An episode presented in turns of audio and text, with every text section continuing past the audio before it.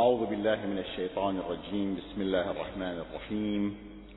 الحمد لله رب العالمين والصلاة والسلام على خير خلقه محمد وآله الطيبين الطاهرين.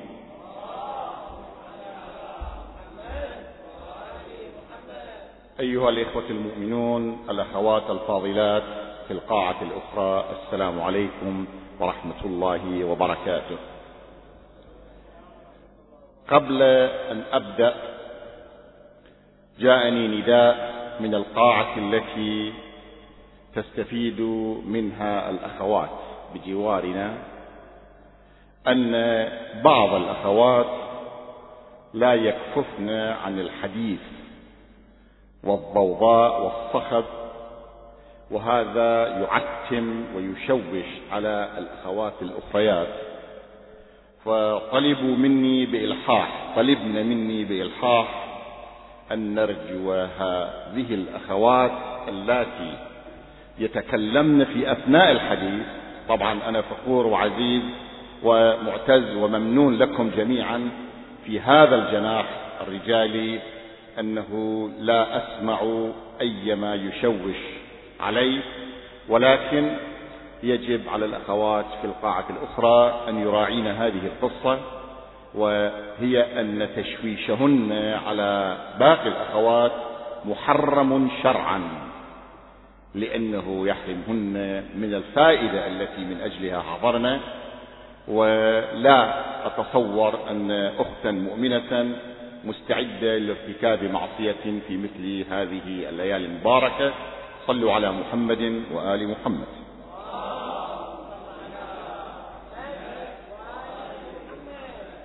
حديثنا في هذه الأمسية المباركة عن ثقافة الانتظار. وقبل كل شيء لا بأس بأن نرى أهمية انتظار الفرج في الأحاديث الواردة عن أئمة أهل البيت صلوات الله وسلامه عليهم أجمعين وقد اقتبست خمسة أحاديث في هذا المجال.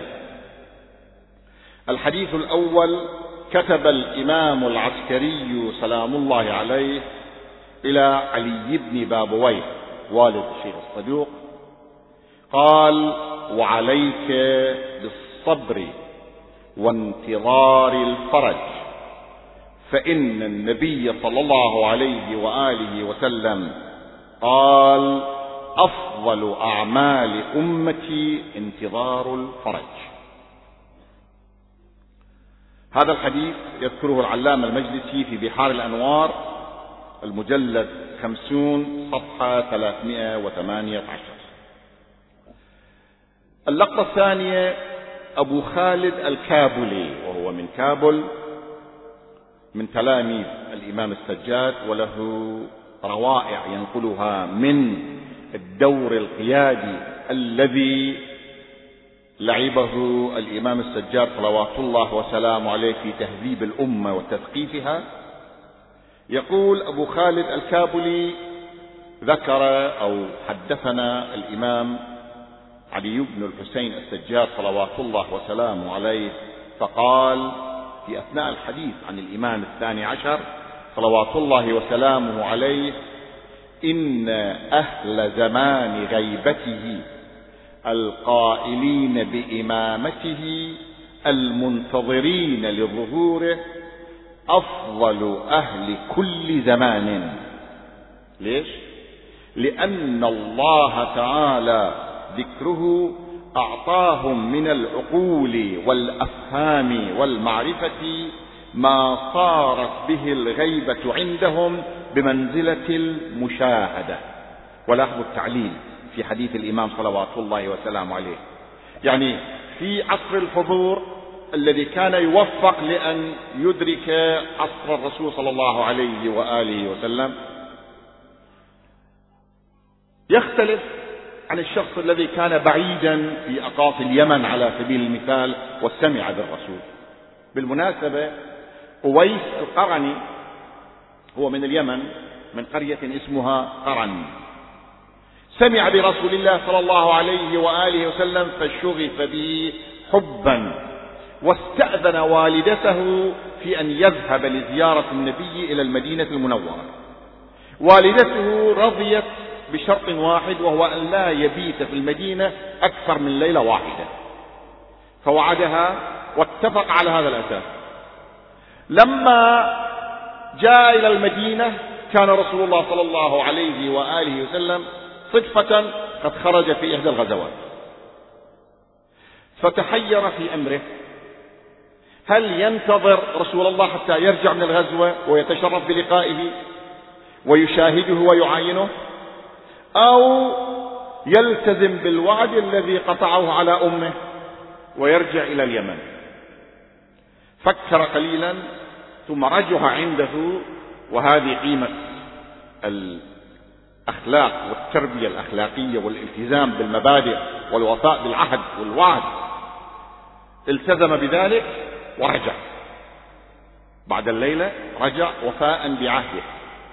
فاستقبلته أمه هل نلت ما كنت تأمل في الحصول عليه؟ أبدأ أسفه على ذلك ولكن كان معتزا بأنه التزم بوعده. لما عاد رسول الله صلى الله عليه وآله وسلم من الغزوة نظر يمينا وشمالا ثم قال إني أشم ريح الجنة من قرن. إني أشم ريح الجنة من قرن. قالوا له نعم شاب اسمه أويس جاء من قرن وكان طالبا لقاءك وكان عذره في العودة هذا. لاحظوا أهمية الالتزام بالوعد والوفاء به على كل بعد ارتحال الرسول صلى الله عليه وآله وسلم إلى الرفيق الأعلى شاهد الخليفة الخليفة الثاني رويسا وهو مفعم بحب النبي وهو ملتاع في حب النبي صلى الله عليه وآله وسلم.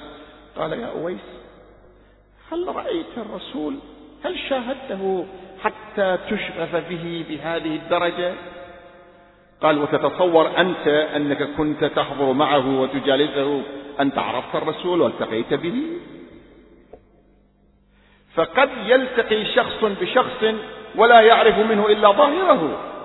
وقد يصل الشخص إلى أعماق شخص آخر إلى أعماق محبوبه وإن كان بعيدا عنه. على كل هذه المقدمة إنما ذكرتها لأقول الإمام السجاد صلوات الله وسلامه عليه يبين لماذا المنتظرون في الغيبة يكونون أفضل أهل كل زمان لأن الله تعالى ذكره أعطاهم من العقول والأفهام والمعرفة ما صارت الغيبة عندهم بمنزلة المشاهدة. يعني كأنهم هم شاهدوا الإمام صلوات الله وسلامه عليه لأن إيمانهم وعمق تصديقهم بوجود الإمام جعلهم بمنزلة المعاينة التتمة وجعلهم في ذلك بمنزلة المجاهد بين يدي رسول الله صلى الله عليه وآله وسلم بالسيف. فإذا الحديث الثاني بالنسبة إلى الشخص الذي ينتظر ويعرف في الغيبة أن الإمام عجل الله تعالى فرجه. حي وإن كان غائبا عن الأنظار فهو بمنزلة المشاهدة وبمنزلة المجاهد بين يدي رسول الله. النقطة الثالثة يذكر العلامة المجلسي في بحار الأنوار المجلد 36 صفحة 401 أحاديث مفادها أن المنتظر للثاني عشر منهم عليه السلام كالشاهر سيفه بين يدي بين يديه عليه السلام بل كالشاهر سيفه بين يدي رسول الله صلى الله عليه وآله وسلم يذب عنه. اللقطة الرابعة الإمام الباقر صلوات الله وسلامه عليه يقول واعلموا أن المنتظر لهذا الأمر له مثل أجر الصائم القائم إلى تتمة الحديث.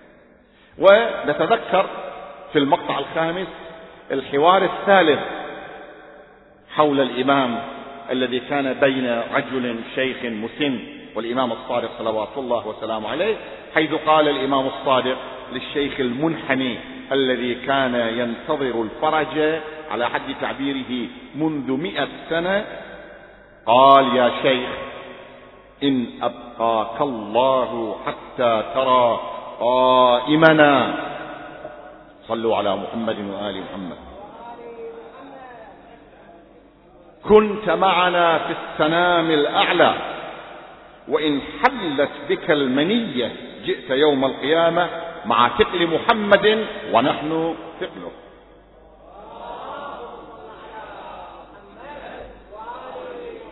هذه خمس لقطات مختلفة من أئمة يتحدثون عن قيمة الانتظار وأنه من أفضل الأعمال. في هذه النصوص نجد صلة وثيقة بين مسألة الانتظار والجهاد في سبيل الله في أعلى صوره. إن انتظار المصلح الحقيقي الذي يملأ الأرض قسطا وعدلا والمعد لقطع دابر الظلمة والمدخر لتجديد الفرائض والسنن والمؤمل لإحياء الكتاب وحدوده وهادم أبنية الشرك والنفاق. وسام يفتخر به المؤمن بل واجب يمليه ولاؤه للإمام عليه السلام. فما هي أبعاد هذا الانتظار؟ الانتظار الإيجابي البناء يختلف عن الفكرة السلبية أو الموقف السلبي. وسأذكر لكم بعض الأمثلة من حياتنا العملية حتى يتضح معنى الانتظار الإيجابي البناء. المريض الذي يترقب وينتظر تحسن صحته لا يقف مكتوف اليد بل يعمل كل ما بوسعه في أن يتماثل للشفاء ويزول عنه المرض. شاهدنا في نماذج كثيرة أن الشخص يبيع دارة سيارته حتى المهجر ماله في سبيل أن يدفع التكاليف الباهظة للعلاج. فلا يبقى المريض وهو ينتظر تحسن صحته صحته مكتوف اليد وإنما ماذا يفعل؟ يبذل جهد من أجل العلاج والشفاء. المثال الثاني التاجر الذي يقلق من تقلبات السوق ويرى بضاعته معرضة للكساد في أي لحظة وينتظر الاستقرار السياسي والاقتصادي ويحس في داخله بقوتين تتجاذبانه. القوة الأولى عدم الارتياح على الوضع السائد في السوق. القوة الثانية بذل الجهود لتحسن الأوضاع. مثال ثالث. الوالد الذي ينتظر عودة ولده من سفر طويل تعرض فيه للمخاطر لا يكتفي بالسلبية في مواقفه بل يطرق كل باب ويستعين بكل وسيلة ممكنة ويكون في أشد حالات الجهوزية. هاي الأمثلة الثلاثة من الحياة العملية. تصور لنا معنى الانتظار الإيجابي البناء وكما كان التاجر في مثالنا السابق مشدودا بقوتين كذلك الذي ينتظر هيمنة الحق والعدالة في كل أرجاء المعمورة على يد المصلح الحقيقي والمخلص والمنقذ. يتوفر على عنصرين أحدهما سلبي وهو عدم الارتياح من المفاسد التي تسود كل مكان والآخر إيجابي وهو بذل الجهد لتوخي الإصلاح والتغيير نحو الأفضل. حين يتعمق هذان العنصران في وجود الإنسان تتجلى صورة المنتظر الواقعي وهذا ما نجده واضحا في حديث الإمام الصادق صلوات الله وسلامه عليه. وهذا موجه إليكم جميعا وإلى كل فرد منا إلي وإليكم وإلى الأخوات وإلى كل شيعة أمير المؤمنين صلوات الله وسلامه عليه. يقول الإمام صلوات الله وسلامه الإمام الصادق صلوات الله وسلامه عليه من سره أن يكون من أصحاب القائم.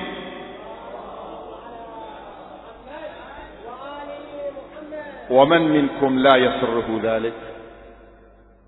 ومن منكم لا يسره أن يكون كذلك؟ من سره أن يكون من أصحاب الإمام صلوات الله وسلامه عليه فلينتظر. لا يكتفي بهذا المقدار وإنما يفسر لنا عملية وطريقة الانتظار. يقول وليعمل بالورع ومحاسن الأخلاق وهو منتظر. إذا حركة إيجابية وتحرك ونشاط مو أنه منتظر وقابع في بيته ساكت. وليعمل بالورع ومحاسن الأخلاق وهو منتظر. فإن قام فإن مات وقام الإمام بعده كان له من الأجر مثل أجر من أدركه.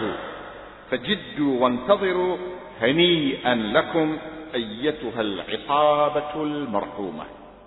هذا الحديث ينقله الشيخ أبو زينب النعماني في كتابه المشهور الغيبة في صفحة 200 وفي الطبعة المقترنة لأنه لحسن الحظ الغيبة للنعماني مترجمة إلى اللغة الإنجليزية يعني مدموج النص العربي مع النص الإنجليزي وموجود آه، مطبوع من قبل مؤسسة الأنصاريان في قم في الطبعة المقترنة بالترجمة الإنجليزية صفحة 272 الأصل العربي صفحة 200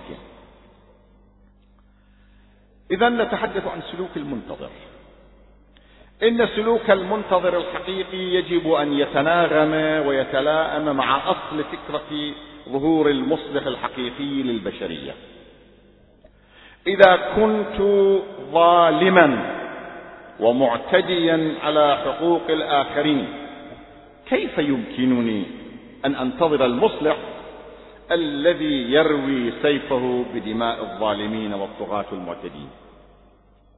وإذا كنت غارقا في الفساد والآثام وكل همي إشباع الغرائز الجسدية كيف يتسنى لي أن أنتظر المصلح الذي يبدأ قبل كل شيء باجتثاث جذور الفساد والانحراف؟ كان هناك في كربلاء المقدسة عالم أو طالب علم يجيد علم الجفر والرمل وكان يحسب في كل مرة. أين هو الإمام؟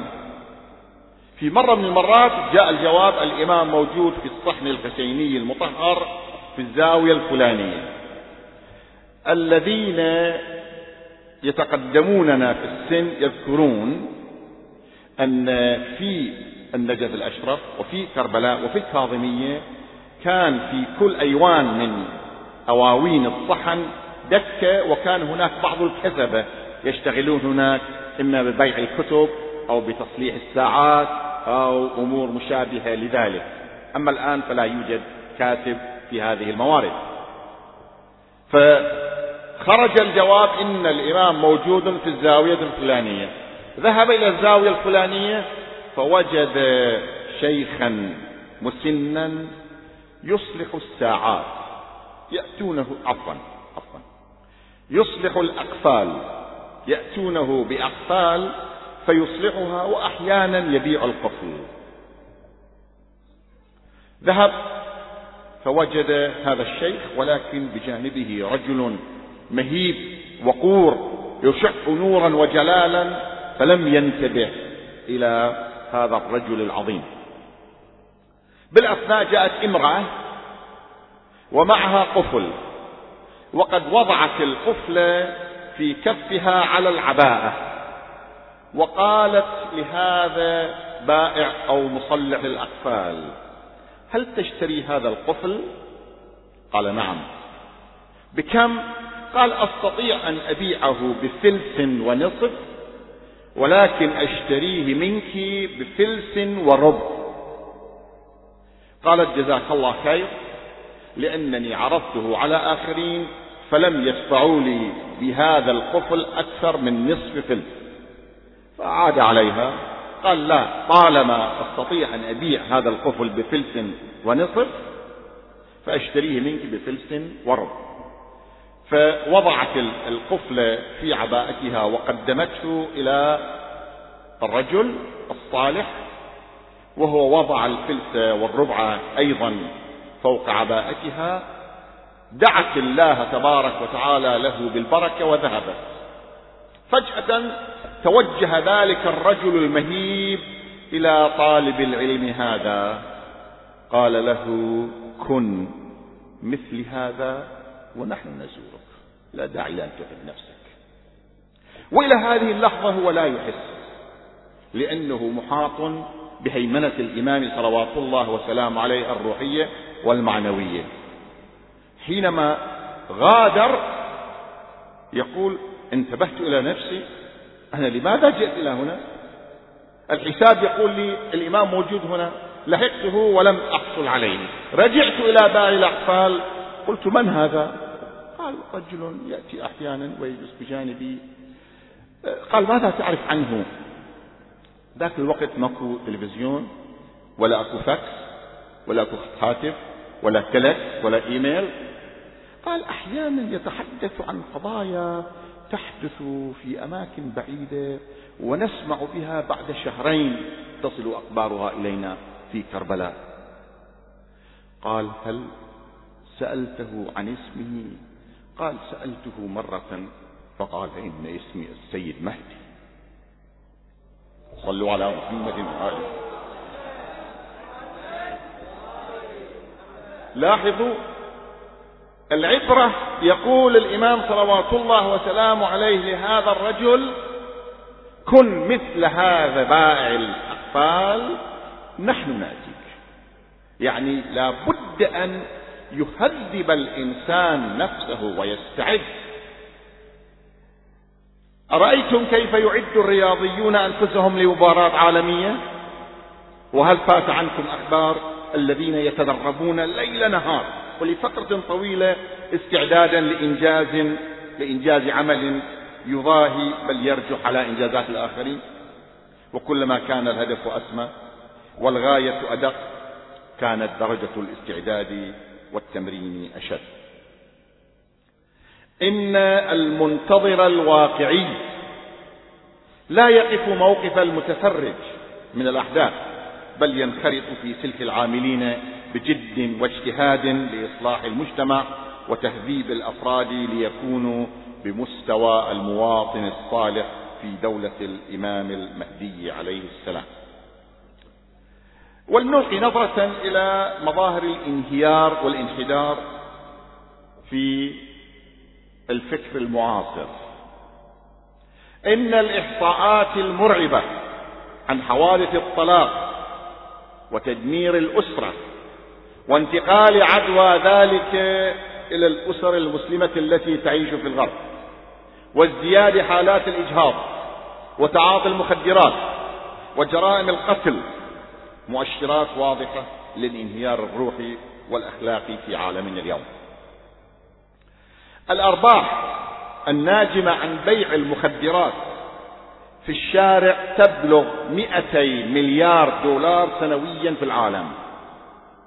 حسب جريدة الصباح التونسية العدد 30 5 1983 وإذا تذكرنا أنه 23 سنة بعد هذا فنستطيع أن نقول لعله 400 مليار دولار الآن.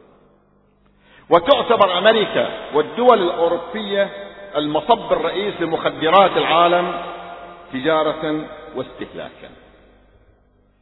إن استيلاء إبليس على سلوك الناس يتضمن يتحقق ضمن محاور ومسالك بينها الله جل وعلا في الآية 64 من سورة الإسراء حيث قال جل وعلا واستفزز من استطعت منهم بصوتك وأجلب عليهم بخيلك ورجلك وشاركهم في الأموال والأولاد وعدهم. وما يعدهم الشيطان إلا غرورا. هذه قنوات أربع ينفذ الشيطان من خلالها. في القناة الأولى استخدام الدعايات المضللة. في القناة الثانية استخدام الهجمة الثقافية والسياسية والعسكرية. في القناة الثالثة استخدام الثروة والأولاد كوسائل للانحراف. وفي القناة الرابعة الوعود والأماني الكاذبة التي تحرق الناس عن الطريق الصحيح.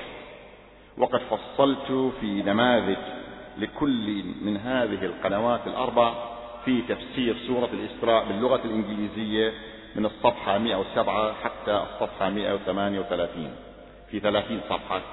عند مدخل هذه الحسينية المباركة ستجدون تفسير سورة الإسراء باللغة الإنجليزية فالشباب الذين يريدون أن يطلعوا على هذه الأمور يأخذون نسخة وياهم ويطلعون حتى يجدوا الشرح الكافي لنماذج حقيقية من هذه القنوات الأربعة للفساد والانهيار والتخلف وما يمكن أن يسمى بثقافة العصر.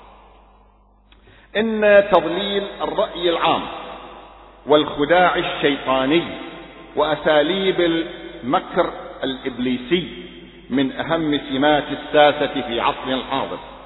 ولا بأس بأن تعرفوا أنه يموت في أمريكا سنويا سبعمائة ألف إنسان نتيجة خطأ الأطباء في تشخيص المرض أو تناول الدواء المغلوط أو الخطأ في مقدار جرعات الدواء. ولا أحد منكم يسمع بذلك.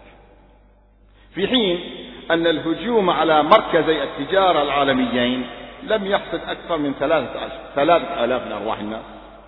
وتعرفون حجم الضجة السياسية والإعلامية تجاه ذلك. لا أقول هذا لتبرير ما حصل في الحادي عشر من أيلول ولكني أقول إن اهتماما أكثر مما حصل تجاه هذه الحادثة ينبغي أن يوجه لإنقاذ حياة سبعمائة ألف إنسان في العالم يموتون في أمريكا خفية ولا أحد يعير أهمية لذلك لماذا؟ لأن جشع المستفيدين من مصانع الأدوية لا شيء في نظرهم طيب هذه مشكلة. ما هو المخرج من هذه الأزمة؟ للإجابة, للإجابة على هذا السؤال هناك ثلاث اتجاهات. الاتجاه الأول هو الاتجاه التشاؤمي الذي يفقد كل أمل للإصلاح.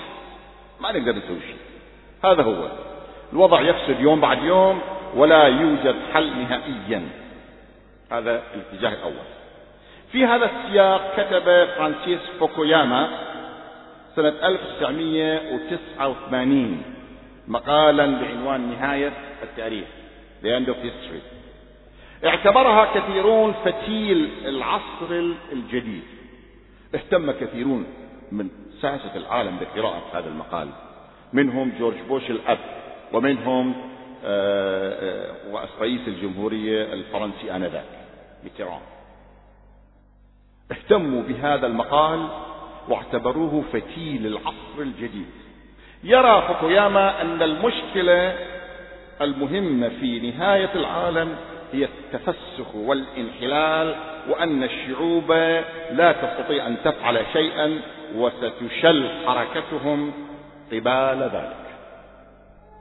الاتجاه الثاني هو الذي يلقي مسؤولية الإصلاح على المصلح المنتظر الذي ينقذ البشرية من الانحراف أما الجماهير فتقف مكتوفة الأيدي منتظرة لحتمية التأريخ ومن الواضح أن هذا الاتجاه لا يقدم حلا. إنه الموقف السلبي من الأحداث.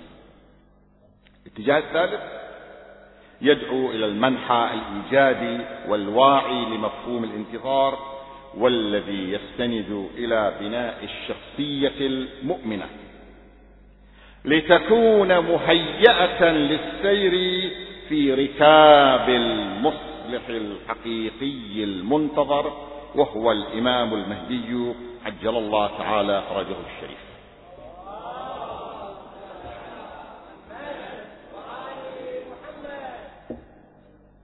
الإنسان المعاصر طالما استغنى بالقيادات البشرية عن القيادات التي تختارها السماء. فعليه أن يكمل المرحلة حتى نهاية المطاف. عليه أن يختبر كل المدارس والاتجاهات والأحزاب حتى إذا فشلت هذه التجارب كلها وأفلست قياداته جمعاء انحسر الوضع العالمي الجديد عن مجاعات تكتسح الجماعات كما تكتسح رياح الخريف أوراق الشجر. المجازر الدموية تنتشر في كل مكان. البؤس والشقاء واليأس يغطي كل الوجوه. عندئذ تنهار الأنظمة والحكومات وتتفكك الجيوش والتكتلات فيتسابق الأقوياء لنهب الضعفاء ويهب الضعفاء للدفاع عن حقوقهم. وكل يلجأ إلى سلاحه ولا يطمئن أحد إلى كفاحه. في هذه المرحلة تعود البشرية كلها أيد ترفع إلى السماء وتتسابق الأنفاس بالدعوات إلى الله بانتظار المصلح الموعود. وقد استعد المؤمنون للسير تحت لوائه. لا يكفي الانتظار وحده في تهذيب السلوك وتصفية الروح والجسم من آفات المعصية بل لا بد من إرادة قوية وعزم أكيد على ترك المعصية والابتعاد عما لا يرضى به الله. وكما يدرب القائد جنوده في السكنة لمواجهة العدو ويختبر عزم القوات المسلحة في مقدرتها القتالية وتقييم نفسياتهم ونواياهم باستمرار ينبغي للمنتظر الحقيقي أن يدرب أعضاءه وجوارحه وقواه الفكرية والعقلية والجسمية على النزاهة والتزكية والصفاء حتى يصدق عليه أنه في سلك المنتظرين. هذه علامة. أما العلامة الأخرى فهي عدم الذوبان في البيئة الفاسدة وعدم تملك اليأس للمشاعر والأحاسيس. إن آية صدق المنتظر الواقعي في دعواه أنه كلما اشتدت الأزمات وتعقدت الحالة الاجتماعية يزداد عزمه على مواصلة طريق الإصلاح. فكلما اقتربنا من آخر الخط ونرجو أن نكون كذلك. كلما اقتربنا من آخر الخط كلما اشتد الشوق وكلما اشتدت الأزمات قرب الأمل بالانفراج. وكما يقول الشاعر اشتدي أزمة تنفرجي قد آذن صبحك بالبلج. أما المقطع الأخير من حديثنا في هذه الأمسية المباركة فيتعلق بتجديد البيعة ودعاء العهد إن من أهم وظائف المنتظر الحقيقي تجديد البيعة مع الإمام المهدي أرواحنا فداه وكما ورد في الزيارة التي يستحب أن يزار بها الإمام عليه السلام بعد صلاة الفجر من كل يوم أن نردد هذا المقطع. اللهم إني أجدد له في هذا اليوم وفي كل يوم عهدا وعقدا وبيعة في رقبتي. اللهم كما شرفتني بهذا التشريف وفضلتني بهذه الفضيلة وخصصتني بهذه النعمة. فصل على مولاي وسيدي صاحب الزمان. واجعلني من أنصاره وأشياعه والذابين عنه. وحتى أكون صادق. واجعلني من أنصاره وأشياعه والذابين عنه. وحتى أكون صادق. ليس في المكاسب فقط وإنما في التضحيات أيضا. واجعلني من المستشهدين بين يديك يقولها المنتظر واقعا وبكل وجوده. واجعلني من المستشهدين بين يديك طائعا غير مكره في الصف الذي نعدت أهله في كتابك. فقلت صفا كأنهم بنيان مرصوص على طاعتك وطاعة رسولك وآله عليهم السلام. ونعيد اللهم هذه بيعة له في عنقي إلى يوم القيامة. إذا جددنا البيعة مع الإمام كل يوم بعد صلاة الفجر وكل أسبوع بعد دعاء النخبة وكل شهر في أوله وآخره. فإننا نحس بالحضور الدائم والتواصل البناء في بناء الشخصية المؤمنة حتى نعرف بأن لنا شرف هيمنة ورعاية إمام لنا يرعانا.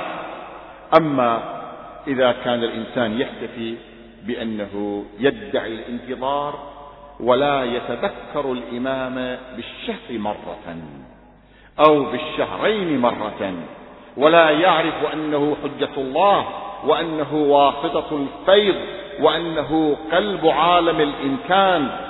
يكتسب الفيض من الرب جل وعلا جل وعلا ليفيضه على الخلق إذا كان لا يعتقد بهذا ولا يعرف شيئا من هذا فكيف يدعي الانتظار؟